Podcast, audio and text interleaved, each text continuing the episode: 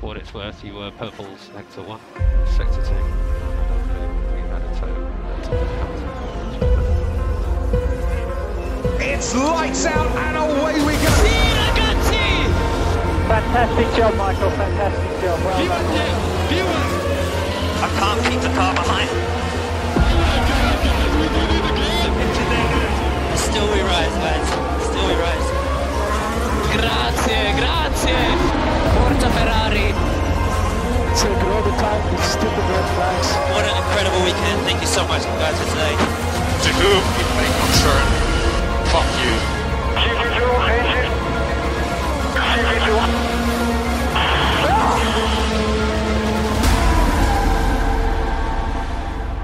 מה קורה חברים? אתם על הגריד בפעם השביעית. איתי כאן אוריאל ואני עמית. מה איתך אוריאל? מה נשמע, עמית? וואו, תשמע, אין לי מילים על השבוע הזה, ובמיוחד על המרוץ הסעודי. איזה מרוץ מטורף. אתה יודע, העונה הזו גם ככה מטורפת, גם ככה יש כל כך הרבה עליות וירידות בה. איך, אתה יודע, איך, אי אפשר כבר, חשבתי שאי אפשר להפתיע אותנו יותר, ובא המרוץ הסעודי הזה וטרף את כל הקלפים. אתה יודע מה מעצבן ומבאס אותי? מה? העונה נגמרת שבוע הבא. וואי, וואי, מה וואי. נעשה? איך נמשיך עם הפודקאסט הזה, תגיד לי? וואלה, אנחנו צריכים לחשוב על משהו, כי אנחנו, אתה יודע, עם כל הכבוד שיש פגרה, אנחנו לא יוצאים לפגרה, אנחנו כנראה נמשיך. ואם מישהו שחזר מפגרה, אז בואו ניתן כזה כבוד לפורמולה עברית. כן, נכון, החברים שלנו, פורמולה עברית, עמיתי פוקמן ובועז קורפל, חזרו אחרי פגרה ממושכת, ובאמת אה, אחלה פודקאסט יש להם, ואנחנו ממליצים ללכת לשמוע אותו. עוד משהו שהיה השבוע זה מפגש צפייה. תשמע, מעל 100 חברים מהקבוצה, הייתה אווירה מחשמלת. היה פשוט נהדר, היה כאילו, אתה יודע, גם היה, היה לנו מרוץ, גם רווי אירועים אה, לא פחות, וזה גם תרם לאווירה הכללית, ופשוט אנחנו נהנינו מכל רגע. אני, מסכים, פשוט היה כל כך הרבה אנשים, כל כך כיף לראות את הפרצופים. זה, זה משהו שהוא כל כך משמעותי. להרגיש את הקהל, להרגיש את האווירה, כי לבד לראות פורמולה 1 בבית, לפעמים זה, זה לא הכי... אין כל כך הרבה אנרגיות. וכולם ביחד, זה היה פשוט וואו. כן, מישהו כתב בקבוצה, זה היה ממש אה, אנרגיות של יציע, אפשר להגיד. טוב, אז היום, בפרק של היום, נדבר על המרוץ הסעודי, כל האירועים שהיו לנו בו. והיו הרבה. היו הרבה. חלקם שנויים במחלוקת, חלקם מאוד מאוד מאוד מעניינים, אז אה, בוא נקפוץ. סבבה, אז אני חושב שאולי יותר בהיערכות לסופש ופחות במקצים המרכזיים, הייתה איזושהי נקודה שהכי בלטה, זה נושא הבטיחות במסלול. אני חושב, כאילו, אנחנו מדברים גם על ריבוי התאונות שהיה בפורמולה 2, בפורמולה 1 כמובן. העובדה שאין שם הרבה אזורי מעילות במסלול הזה, למעשה אין כמעט בכלל, רק בסקטור הראשון. זאת אומרת, דיברנו על זה גם בפרק הקודם, כל טעות שם זה כאילו סותמת את המסלול פחות או יותר. אני, אתה יודע, בדרך כלל ה-FIA הוא, הוא כן, הוא מתחשב בכל הקריטריונים של הבטיחות, לפני שמתחילים, בטח לפני שמביאים מסלול חדש וכל הדברים האלה, אבל יכול להיות שכחלק מהרצון לבוא ולהקים מרוץ חדש יש מאין בפחות משנה, חלק מהעניין של האצת התהליכים הזאת, אני חושב שהם פספסו שם משהו בתהליך בכל נושא הבטיחות, והיו לא מעט נהגים שהיו ווקאליים לגבי זה, בין היתר גם ג'ורג' ראסל, שמאוד העירו על הנושא הזה. אני רוצה גם להזכיר שבסוף, עם כל מסלול שהוא, אין ב-100% מסלול שהוא בטוח, לחלוטין. אז גם צריך לזכור את זה. בסוף, כל מסלול יכול להביא את הטוב, את הטוב שבו, יש מסלולים שהם יותר בטוחים, יש מסלולים שהם פחות בטוחים, להלן צרפת, אבל uh, בסך הכל ראינו שכן, היו הרבה תאונות והרבה דברים, אבל יחסית יצא חלק. אה, צריך לזכור, אנחנו חוזרים לסעודיה עוד מעט. תחילת העונה, אנחנו כבר הולכים לאזור המזרח התיכון, ומקווה שבאמת ישפרו שם את הבטיחות. טוב, מכאן נקפוץ לתוצאת המרוץ. לואיס המילטון ניצח מקום ראשון, אחרי שהוא גבר על מקס ורסטאפן שני. ולטרי בוטס.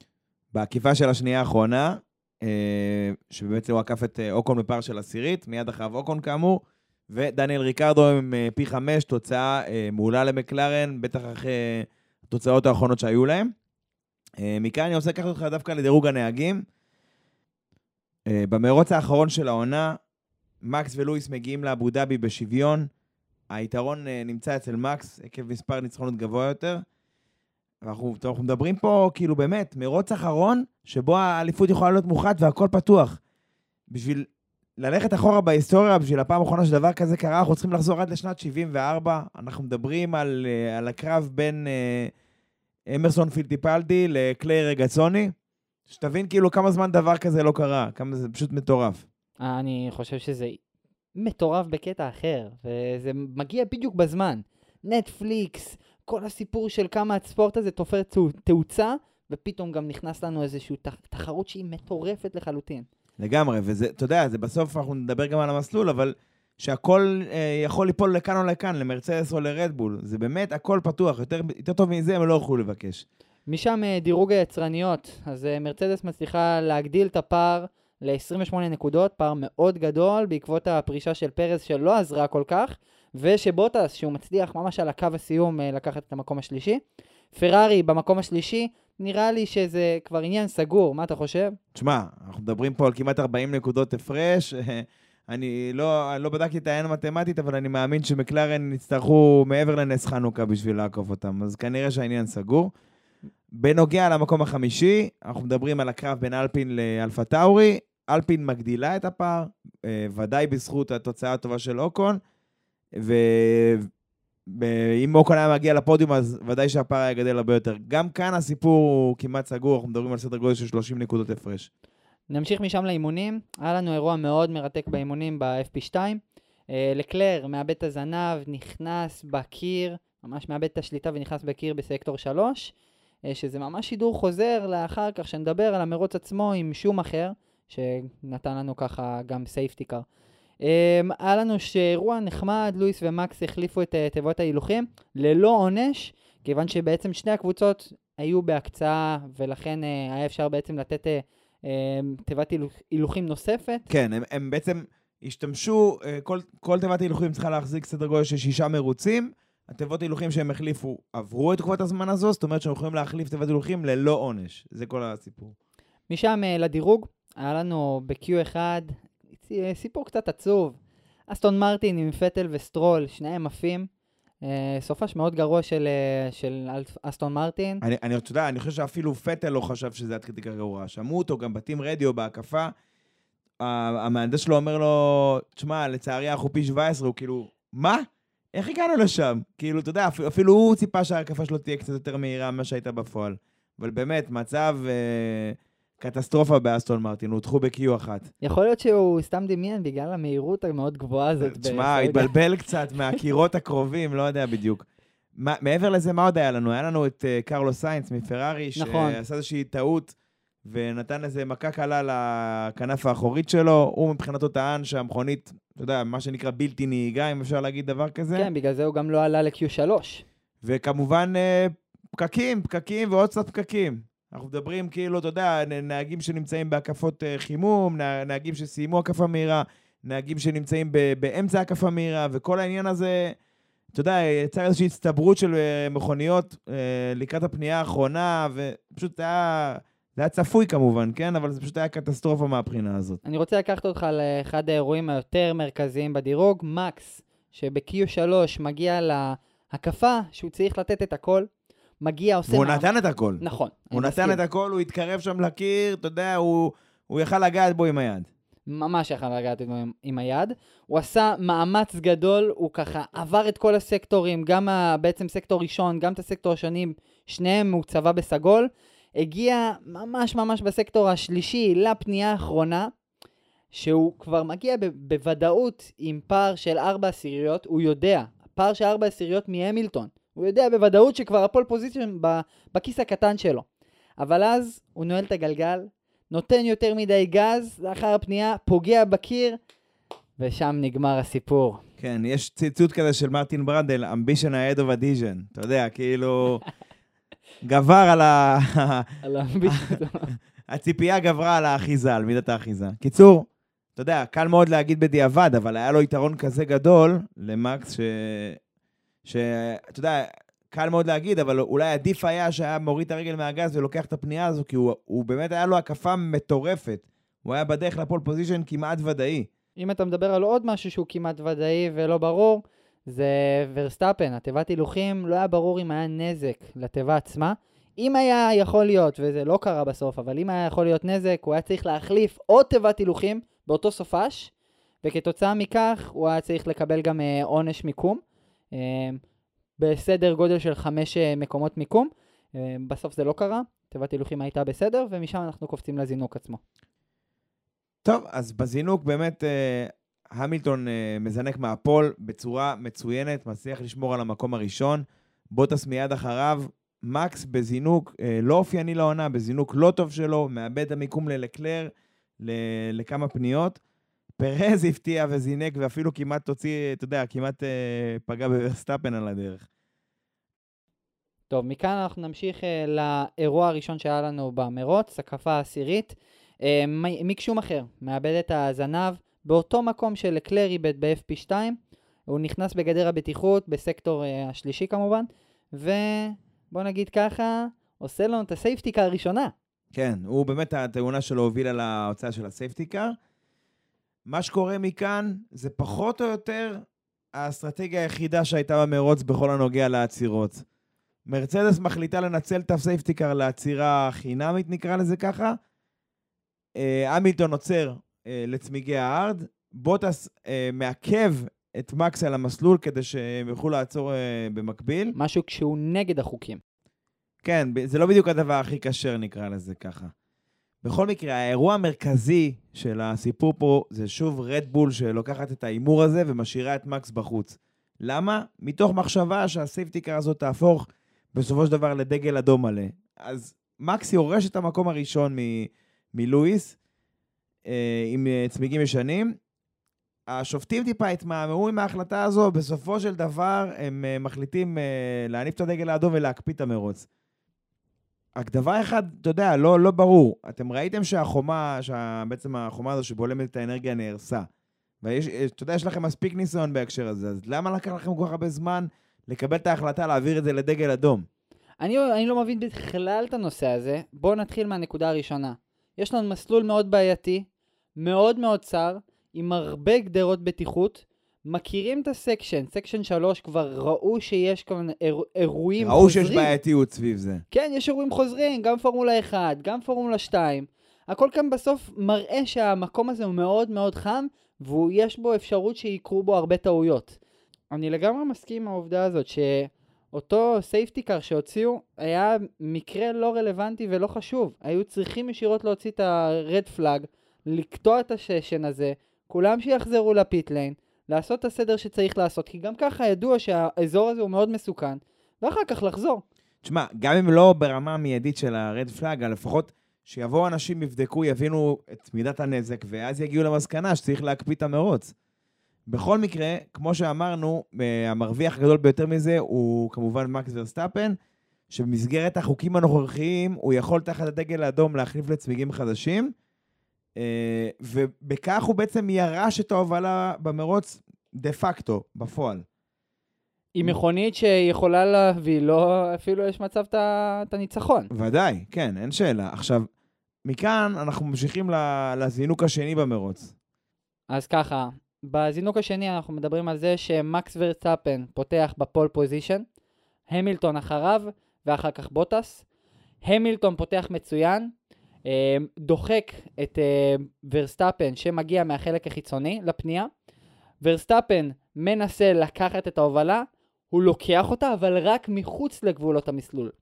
זה אומר שתכלס הוא צריך להחזיר להמילטון את ההובלה, כי הוא בעצם לקח אותה בצורה לא חוקית. ומשם, אתה יודע, לא, לא חיכינו יותר מדי וכבר אה, המשיך הבלגן. פרז נקלע שם לסנדוויץ' מקסיקני, אתה יודע, לקלר, אה, בינו לבין לקלר, ל- לקלר פשוט העיף אותו, ופרז עמד פשוט במקביל למסלול, חסם את רוב המסלול. אה, ראסל ניסה אה, איכשהו לחתוך ימינה, לנסות להימנע מזה, לא הצליח. מזפין מצא את עצמו מול ראסל, ופשוט הרים אותו באוויר, מה שנקרא אפקט המלגזה. דגל אדום בפעם השנייה במרוץ. ואנחנו מגיעים לפינה הדינמית שלנו, שתיקח אותנו להמשך הפרק, חוק וסדר. בדיוק, חוק וסדר, הפינה שלנו למרוץ הסעודי, שתעסוק בנושא החם ביותר, השיפוט, או טיב השיפוט. אולי הנקודה הראשונה של אה, חוק וסדר הייתה אה, בדגל האדום השני. מנהל המרוץ מייקל מסי, סוג של הציע לרדבול, בא להם בסוג של עסקה. כאילו, חבר'ה, אתם צריכים להחזיר את המקום, אה, אם אתם לא רוצים להיענש, אולי כדאי שתתחילו מהמיקום השני. ואז הוא פתאום נזכר באוקון.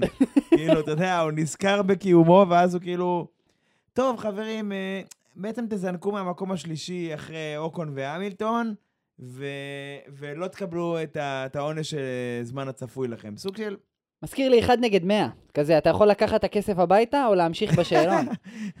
כן, זהו, זה, זה, כאילו, אתה יודע, אתה, אתה מנהל המרוץ, או שאתה, מה זה העסקאות האלה? עכשיו, זה לא, אה, כאילו, ורדבול עוד ניסתה את מזלה, כאילו, מה, מה אמרת? מקום שני, מקום זה? כן, אתה יודע, כן, אולי. כאילו, שאתה- זה- עכשיו, בריאיון אחרי המרוץ, אה, מסי טען שזה, שזה, אתה יודע, שזה, שזה ברגיל, זה שיח רגיל בהקשר הזה בין הקבוצות למנהל המרוץ. מבחינתי זה הזוי. אני חושב שגם אם זה שיח רגיל בכל הנוגע להתנהלות של, שלו, זה חושף התנהלות אה, מעט בעייתית, אכיפה הססנית, וגם ראינו את זה בהמשך המרוץ.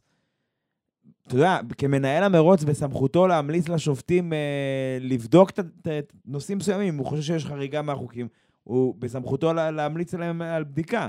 אז מה זה העניין הזה של להתייעץ עם הקבוצות, מה תקבלו ומה לא תקבלו? לא יודע, אני, אני פחות התחברתי לנקודה הזאת, ואני חושב שהיה עוד הרבה אנשים, כי ראיתי גם כל מיני קריאות, אה, מסי הביתה, וכל מיני דברים כאלה בהמשך, ה... אתה יודע, אחרי שנגמר המרוץ. אמ, אני רוצה רק לתת את התוצאות בסוף של אותה החלטה. רדבול לוקחים את העסקה, הם אומרים לו, טוב, אנחנו נז- נזנק מהמקום השלישי, אז באמת הזינוק היה אוקון במקום הראשון, המילטון ואחר כך מקס. אה, מה שקרה זה ורסטאפן פתח בצורה בינונית, הוא ניצל את הדגל האדום להחליף שוב פעם אה, צמיגים, הוא החליף לצמיגים הבינוניים. זה אומר שהוא בעצם הרוויח יתרון בזינוק, היתר, היתרון בעצם שהוא יכל לפתוח הרבה יותר מהיר, אבל זה אומר שהם יישחקו לסוף המרוץ. כן, זאת אומרת, היתרון הוא על זינוק מהיר, עם סיכון של, אתה יודע, לקראת, בשלבים האחרונים של המרוץ, ירידה חדה בביצועים. לעומת המילטון, שזינק על, ה, על התרכובת הקשה. נכון. Uh, טוב, ככה, ממש בקצרה, המילטון ואוקו נלחמו על, ה, על המיקום. מקס באמת, באחד המהלכים היותר גדולים במרוץ הזה, נכנס להם מהחלק הפנימי, הפתיע אותם ועוקף את שניהם. מהלך אגרסיבי ומבחינתי גם נקי. כן, באופן יחסי לשאר הדברים שקרו בהמשך, זה באמת היה נקי, זה, זה המילת המפתח. אה, בהמשך הדרך, המילטון אה, עקף בקלות את אוקון, אוקון גם הודה, הוא הבין שהוא לא מתחרה בהם, זה לא, זה לא היה העניין פה. אה, הוא גם מצליח לסגור את הפער אה, לוורסטאפן אה, לאחר מספר הקפות, ויוצא לאיזושהי מהלך על עקיפה. ורסטאפן, כהרגלו בקודש, לא מוותר על המיקום, ויוצא מגבולות המסלול, ובעצם שומר על המקום הראשון, בניגוד לחוק, שבעצם ההגדרה אומרת, השגת יתרון מתמשך מחוץ לגבולות המסלול. זאת אומרת, ברגע שעשית דבר כזה, אתה צריך להחזיר את המיקום אה, ליריב שלך, במקרה הזה ללואיס. אז בפעם השנייה במרוץ, אה, מקס בעצם יידרש לתת את המקום בחזרה ללואיס. ועכשיו אנחנו ממשיכים לעונה השנייה של חוק וסדר. אפילו לא הספקתם לסיים את ה binge לעונה הראשונה, וכבר אנחנו בעונה השנייה. Virtual safety car. הופה, אז נתחיל בזה שצונודה עם פטל, אה, היה שם איזה קרב בפנייה הראשונה, צונודה אה, נכנס בפטל, פטל מוריד לו את הכנף הקדמית, זה גורם לזה שיש virtual safety car לתקופה מאוד קצרה, marshal נכנס, מוציא את ה, בעצם את אותה דיברי ש... אה, את ש- הכנף ו- ויוצא. כאילו נכנס, כאילו בפזיזות אפילו כזו, במרשל די אמיץ צריך להגיד, והוציא את הכנף. מסכן צונודה קיבל שם על זה חמש שניות עונש, למרות שלא היה לו שום סיכוי. אה, הוא הגיע מקום אחרון פלוס מינוס. אה, ותודה לבמאי. תודה לבמאי, כן, אה, תודה כמובן בציניות. בהמשך הייתה תקרית בין אה, סב לקימי, בין פטל לרייקונן, שגם הוצגה לנו בדיעבד, כי, שוב, תודה לבמאי. היא גרמה לנזק משמעותי מאוד למכונית של פטל. עכשיו, מכיוון שראינו את זה רק בריפליי, אז לא ידענו את זה, כי בשידור החי, בעצם ראינו את המכונית של פטל מעלה גיצים, אתה יודע, גם שהיא לא הייתה תחת עומס אווירודינמי, זאת אומרת, בישורת, והמשמעות של זה היא ברורה. שיש איזשהו חלק ש... שנשחק, אה, שפוגע ברצפה ונשחק אה, במסלול. וגם ראינו, הבמאי נתן לנו גם uh, ספוטים לראות הרבה הרבה חלקים על המסלול, חלקם רוב הסיכויים של פטל. זהו, ובסופו של דבר, השופטים uh, החליטו Safety Car נוספת, מעט יותר ארוכה uh, מהראשונה. ואני רוצה עוד פעם לשאול את השאלה. מה הולך עם השופטים? מדוע הם לא הפעילו ככה safety car מלא ואפשרו למרשלים לפנות את כל החלקים בצורה בטוחה ולא לעשות כזה איזה פינג פונג, מסע בהישרדות כזה, איזה משימת הדחה או משהו. הבעיה הגדולה כאן באמת, אבל שה... אתה יודע, בדרך כלל שיש safety car מלא, אז הוא, הוא, היא מצמצמת את הפער בין המכוניות. אבל פה הפער בין המכוניות היה גדול. אז גם לשלוח את המרשל אה, נקודתית להביא משהו, זה פשוט להעמיד אותו בסכנה. כי המכוניות, אתה, אתה יודע, הן מגיעות כאילו בפערים, אה, נמצאות בפערים יחסית גדולים אחת מהשנייה. בסופו של דבר, אה, סבסטיאן פטל פרש מהמרוץ, ו- וחבל, כי נראה שהיה לו איזשהו סוג של סיכוי לניקוד, גם עם ניקוד נמוך, אבל הוא יכל להיות בפוזיציה לא רעה. ומשם? משם אולי כדאי שנמשיך לאירוע המרכזי של המרוץ, והוא גם השנוי במחלוקת, שגם ראינו את ההשלכות שלו יומיים אחרי סיום המרוץ. אנחנו מדברים כמובן על התאונה בין מקס ולואיס. ושוב, נזכיר שמקס השיג יתרון אה, לא חוקי, והיה צריך היה להחזיר את המיקום ללואיס. אז מה שקורה בעצם, מייקל מסי מודיע לרדבול שהם צריכים להחזיר את המיקום להמילטון. אה, מקס מקבל את ההודעה מהאינג'יניר שלו בפנייה 21, הוא אומר לו, תפנה את המיקום, ת, תעשה את זה רק בצורה אסטרטגית. בשלב הזה בעצם מרצדס והמילטון עדיין לא קיבלו את ההודעה. שהם בעצם uh, מקבלים את המקום חזרה. ונשאלת השאלה, מה זה אומר צורה אסטרטגית? מה, איך אפשר להחזיר מיקום בצורה אסטרטגית, תגיד לי, אוריאל? תשמע, בסופו של דבר, אנחנו מדברים פה על פנייה 27, לפני אה, אזור הגילוי ה, של ה-DRS השלישי. מה זה אזור גילוי? זה אומר אה, אותה נקודה שברגע שאתה נמצא תחת שני, מתחת לשנייה אה, אחרי היריב שלך, מאפשר לך לפתוח את ה-DRS. אף אחד מצמד הנהגים האלה לא רוצה להיות ראשון בנקודה הזאת. למה? מהצד של מקס, הוא מעדיף שלואיס בעצם יעקוף אותו מוקדם, כדי שהוא יוכל להגיע ל detection zone הזה אחרי לואיס ולהרוויח את ה-DRS הזה ולחזור בחזרה. מהצד של לואיס, הוא רצה להגיע מן הסתם ל detection zone הזה מאחורי מקס, כדי שהוא יוכל לקבל את ה-DRS ולעקוף אותו בתנאים אולי יותר אופטימליים בישורת. ואפילו לפתוח מרחק. בדיוק. עכשיו, אנחנו, מה, מה קרה בפועל בעצם? מה קרה בפועל בכל התקרית הזאת? אז מה שקורה בפועל, ורסטאפן בולם. אה, המילטון מבין את זה, הוא גם בולם אחריו. הם מגיעים למרחק מאוד קצר ביניהם. ואז ורסטאפן בולם, המילטון לא מבין מה קורה, הוא ממש מבין שהוא הולך להיתקע בו, לוקח את ההגה שמאלה, ה end plate שלו בסוף, כתוצאה מהפגיעה עצמה, נקרע, ופשוט אחת התקריות הכי מוזרות שיש. כן, ושוב, ב, אתה יודע, בפעם המי סופר כמה, אנחנו שואלים, למה מייקל מסי לא הודיע לשתי הקבוצות בו זמנית, או לפחות במרווח אה, בטיחות מספיק? אפילו יותר מזה, למה הוא לא נתן קודם להמילטון את ההבנה שהולך להיות את העקיפה הזאת, שבעצם הוא יוכל לעקוף, ואז לתת לוורסטאפן את הפקודה עצמה. שיהיה להמילטון יותר קל לדעת שהוא צריך לעקוף בסוף את, אה, את ורסטאפן. כן, תשמע, בוא, בוא נגיד ככה, ורסטאפן לא, לא תמים בעניין הזה. הוא, הוא, כמו שאמרנו, הוא עשה את זה בצורה אסטרטגית, כמו שביקשו ממנו. הוא עשה את זה בצורה הכי אידיאלית מבחינתו, אולי אפילו בצורה אה, קצת אה, נכלולית, אבל זו הדרך שלו. ובסופו של דבר, הכאוס התקשורת הזה, זה מה שהוביל לתקרית הזאת, ש... זה מה שהוביל לתקרית הזאת בעצם. אז מה קרה בעצם? מה החלטת שופטים בסוף? השופטים אה, החליטו בתום המרוץ, מספר שעות אחרי המרוץ, אה, להעניש את ורסטאפן בעשר שניות לזמן המרוץ שלו. הפער, דרך אגב, מבוטאס היה מספיק גדול, ככה שוורסטאפן שמר על המקום השני. מעבר לזה הוא גם קיבל שתי נקודות לרישיון, כרגע הוא עומד על uh, 7 מתוך 12. במידה והוא יגיע ל-12 בתקופה של שנה, הוא יקבל השעיה למרוץ אחד, רק כדי להבין מה זה נקודות לרישיון. השופטים בעצם קבעו כי הסיבה העיקרית לעצם הענישה, שהם מצאו את ורסטאפן אשם בנקודה הזאת, היא הבלימה הפתאומית והדרסטית שלו. אנחנו אומרים בהערת סוגריים, אולי זה היה סוג של תסכול מצידו של מקס. המהלך הזה, עצם המהלך הזה. אה, שוב, הבלימה, כמו שאמרנו, הסיבה היא אותה בלימה אל מול המילטון שלא היה מודע לעובדה שמקס מפנה את, ה, את, את המיקום לטובתו. והשאלה שאנחנו בעצם שואלים פה, זה למה עונש כל כך חסר משמעות על כזאת פגיעה וכזה נזק? תשמע, בסוף, כמו שאמרנו, הוא שמר על המקום השני, למרות העונש של הזמן. נכון. אני חושב שבעניין הזה, ה-FIA או... וה- והשופטים בעצם מפחדים, אתה יודע, להכריע את האליפות באמצעים של אכיפה ולא בקרבות על המסלול. זאת אומרת, יש איזשהו חשש, בטח בשלב כזה מתקדם של האליפות, אז זה היה כאילו סוג של עונש של, חבר'ה, שתראו שאי אפשר לעשות עבירות כאלה ולצאת בלי פגע, מה שנקרא. אתה מבין? זה היה כאילו עונש כי אנחנו חייבים uh, לתת בהקשר הזה.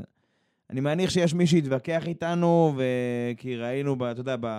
ביום יומיים שאחרי המרוץ, יש מי שחושבים שהוא לא היה צריך להיות אשם, כן היה צריך להיות אשם, יש דעות לכאן ולכאן, בסוף זו ההחלטה שהתקבלה. ולנקודה הבאה, לבעצם המשך התגריות, המשך התקריות שהיה בין אה, לואיס למקס, סוג של תום וג'רי כזה, חתול ועכבר.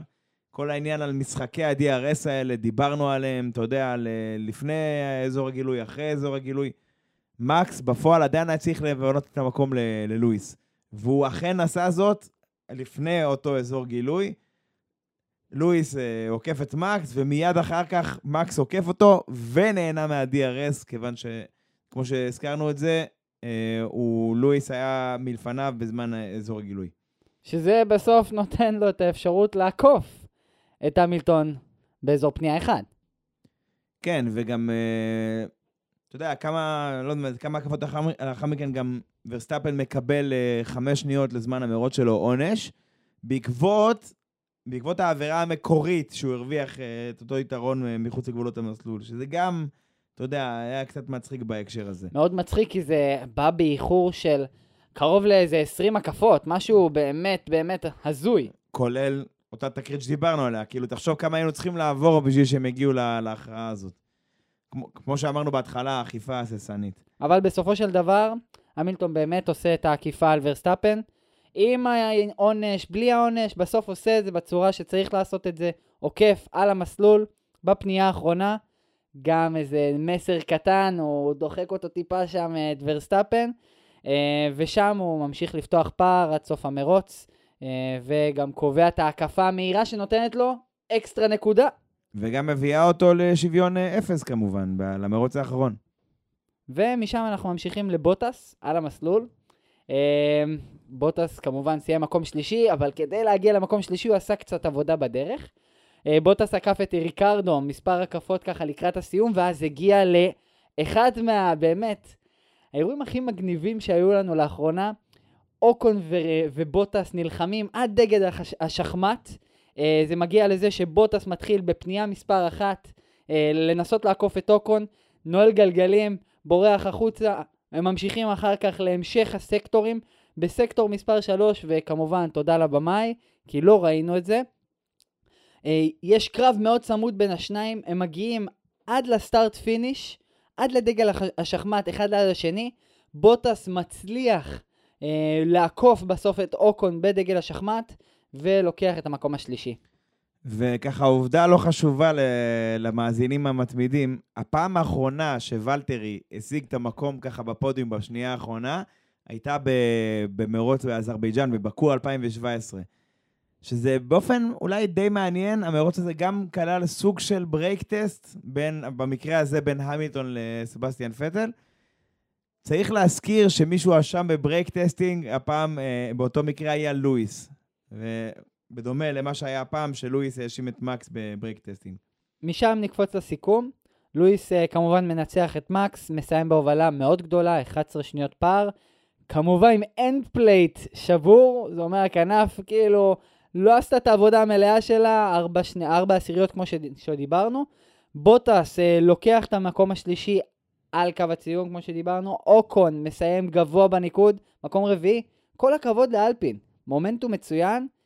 פספסו אפילו פודיום רצוף. שזה... תשמע, בשביל להיזכר מתי היה להם פודיום רצוף, מרוץ אחרי מרוץ, נראה לי צריך ללכת לאיזה 2013, או אתה יודע, בימיהם כרנו המקורית, כן?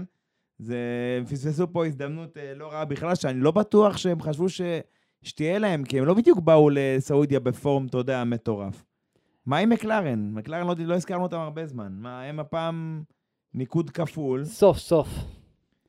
אה, אחרי באמת אה, תקופה לא פשוטה, ריקרדו שהתחיל אה, מחוץ לעשירייה הראשונה מסיים במקום החמישי, הוא הרוויח מהבלגן שהיה קצת בהתחלה והוא הצליח לשמור על המקום הזה. בריאיון אחרי המרוץ הוא הודה שהוא יכל לעשות קצת יותר בהקשר של אוקון, אבל זה לא, לא, לא הסתייע. נוריס אה, מסיים בסוף העשירייה אחרי מרוץ לא מדהים שלו, כי הוא, בניגוד לבין קבוצתו, הוא הפסיד בהקשר של הבלגן. שאם אנחנו בכלל מדברים על נוריס, אני חושב שמחצית העונה האחרונה, בעצם החצי השני, הייתה מאוד פושרת, ואפילו ראינו שריקרדו עושה הרבה יותר טוב. תשמע, זהו, דיברנו על זה, הטריפל הדר, השלושת המרוצים ההם שהיה לנו באמריקות, ושהסתיים גם בקטר, לא, לא, לא היטיבו איתה, לא היטיבו עם הקבוצה הזאת מכל מיני סיבות. מזל רע, ביצועים על המסלול, אתה יודע, הרחבנו עליהם בפעם שעברה, זה לא, לא היטיבו איתם. ועכשיו, זה שהם סיימו בניקוד, זה לא רע בשבילם. זה לא, זה לא ייתן להם את המקום השלישי ביצרנים כנראה, אבל, אבל זה, זה לא היה רע בשבילם. ואם כבר זה, אז מה עם פרארי? אז אה, פרארי, היריבה האולטימטיבית של אה, מקלרן לעונה הנוכחית, אה, דווקא עשתה אחלה עבודה המרוץ הזה. שני הצמדים שלה, בעצם סיינס ולקלר, סיימו בניקוד. סיינס עשה מהלך מאוד מצחיק, הוא דחק שם את לקלר בפנייה מספר 1, וגמר את הצמיגים אחר כך בהמשך, והוא נאלץ להחזיר את המיקום ללקלר בסוף המרוץ. כן. אולי גם שווה להזכיר את אנטוניו ג'ובינצי, שגם אה, עוזב את אלפה רומאו בסוף העונה, שמסיים במקום השביעי, ולפרקים גם היה במקום השביעי במרוץ, ויכל לסיים לא רע, אבל עצם זה שהוא סיים בניקוד זה כבר הישג בשבילו בשביל אלפה רומאו. וויליאמס, שסיימו, שהולכים לסיים במקום השמיני אה, באליפות היצרנים, הם עקפו את אלפה רומאו, כל הכבוד. הם עשו אחלה של עונה, אה, באמת באמת עונה מטורפת. כן, ואולי באותה נשימה שווה להזכיר שבעצם את מותו של מייסד הקבוצה המקורי, שנודע השבוע, שזה פרנק וויליאמס, זה בן אדם שהוא בלי צל של ספק אחד מהאגדות הגדולות של הספורט הזה, שהוא ידע, ואולי אחרון, אתה יודע, אחרון הנפילים של הקבוצות הפרטיות, מה ש... אם היום הכל זה כבר יצרנים וכל מיני תאגידים ודברים כאלה, הוא באמת היה המוהיקני האחרון, נקרא לזה, בהקשר הזה. אם אנחנו עוסקים בנושאים האלה, אה, אולי כדאי שנגיע לפינה הקבועה שלנו והכי מוכרת שלנו, אה, הטוב, הרע והמכוער. אז אה, ככה, עמית, מה היה הטוב בשבילך? שמע, לא יכלתי לצפות למרוץ כל כך טוב יותר מזה, ולכן הטוב שלי זה המרוץ המטורף שהיה לנו. תשמע, אני, אני מבין אותך לגמרי, היה, היה אדיר. אני חושב שאני, אם אני אמשיך עם החלק הרע, יש לי התלבטות קשה בין השיפוט, שכבר נתנו את השנקל שלנו עליו בפרק הזה, לבין רמת הבטיחות במסלול, כנראה השיפוט. מה, מה, מה היה מכוער מבחינתך? או, טוב, תשמע, חד משמעית אסטון מרטין. פשוט לא הסופה שלהם, סופש באמת נורא. חבל. אפילו פטל אה, אמר, כאילו, אם אנחנו רואים מי- מהדירוג, אמר שוואלה, מה הולך פה? איך המכונית הזאת לא יכולה להביא יותר אה, ציונים יותר גבוהים מ-17 ב- ב- ב- בדירוג עצמו? לגמרי, מטורף. ומשם אנחנו עוברים להצצה למרוץ הבא.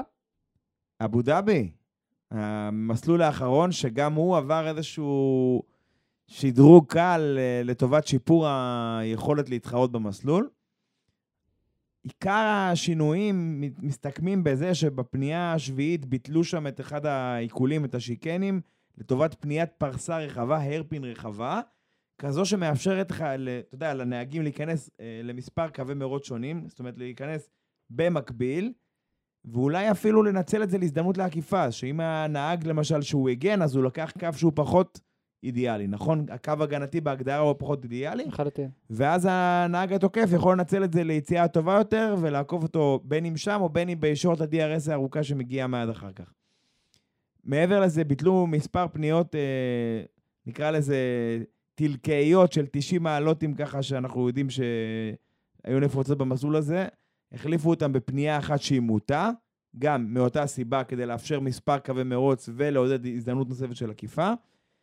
ובסקטור השלישי של המסלול, הם, אה, באזור איפה שרואים את אה, בית המלון, הם הרחיבו את הרדיוסים של הפניות שם, יש שם פניות 90 מעלות כאלה, הם הרחיבו את הרדיוסים שלהם בשביל לאפשר בעצם מהירות יותר גבוהה אה, בכניסה לפניות האלה, ומרוצים קצת יותר קרובים בדרך ל start finish. זאת אומרת, לאפשר לאנשים קצת יותר אה, להתחרות, ולא רק ה start stop הזה שהיה שם עד עכשיו. בגדול אנחנו מקבלים אבו דאבי מהיר יותר, תחרותי יותר, בתקווה, כן?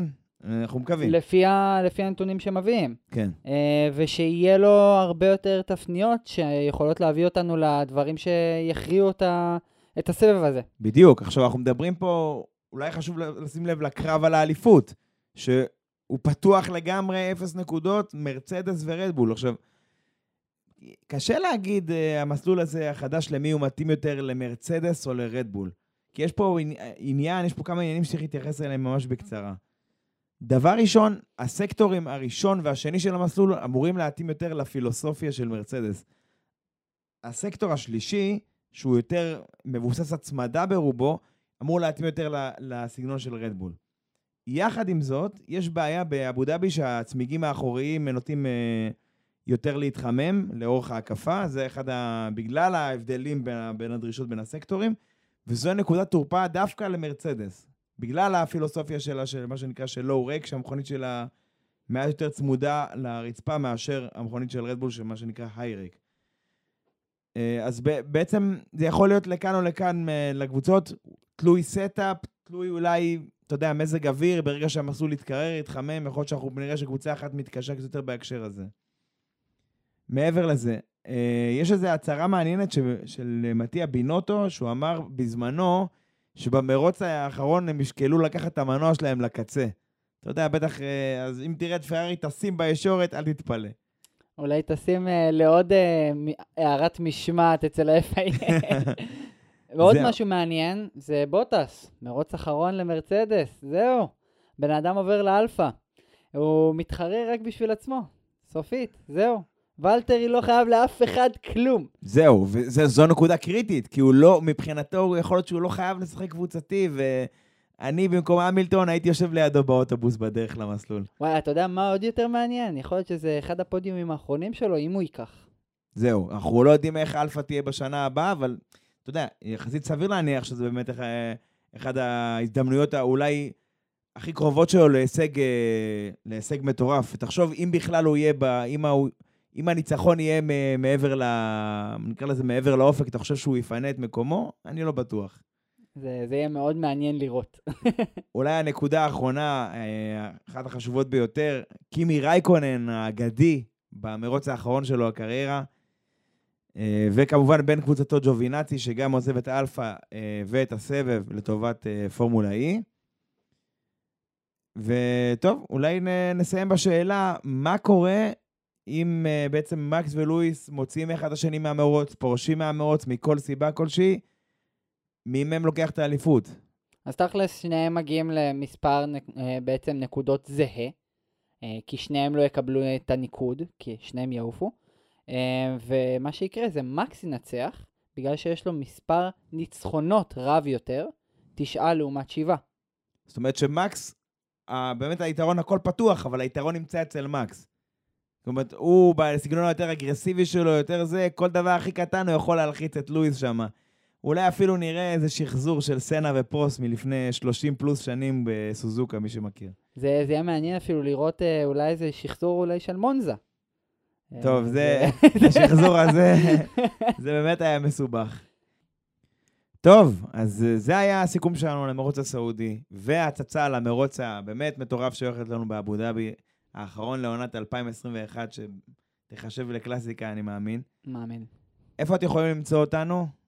טוסטר! טוסטר, ספוטיפיי, אה, גוגל ואפל פודקאסט, וגם דיזר. בעצם בכל פלטפורמה שאתם יכולים לחשוב על הפלטפורמות המרכזיות אנחנו נמצאים. ואם אתם, יש לכם פלטפורמה מועדפת ואנחנו לא נמצאים שם, אז בשמחה תגידו. תודיעו ונוסיף ככה וזה. וכמובן, בקבוצת הפייסבוק שלנו, שנקראת פשוט פורמולה 1. אז uh, עד לפעם הבאה, תודה רבה, עמית. תודה רבה, אוריאל.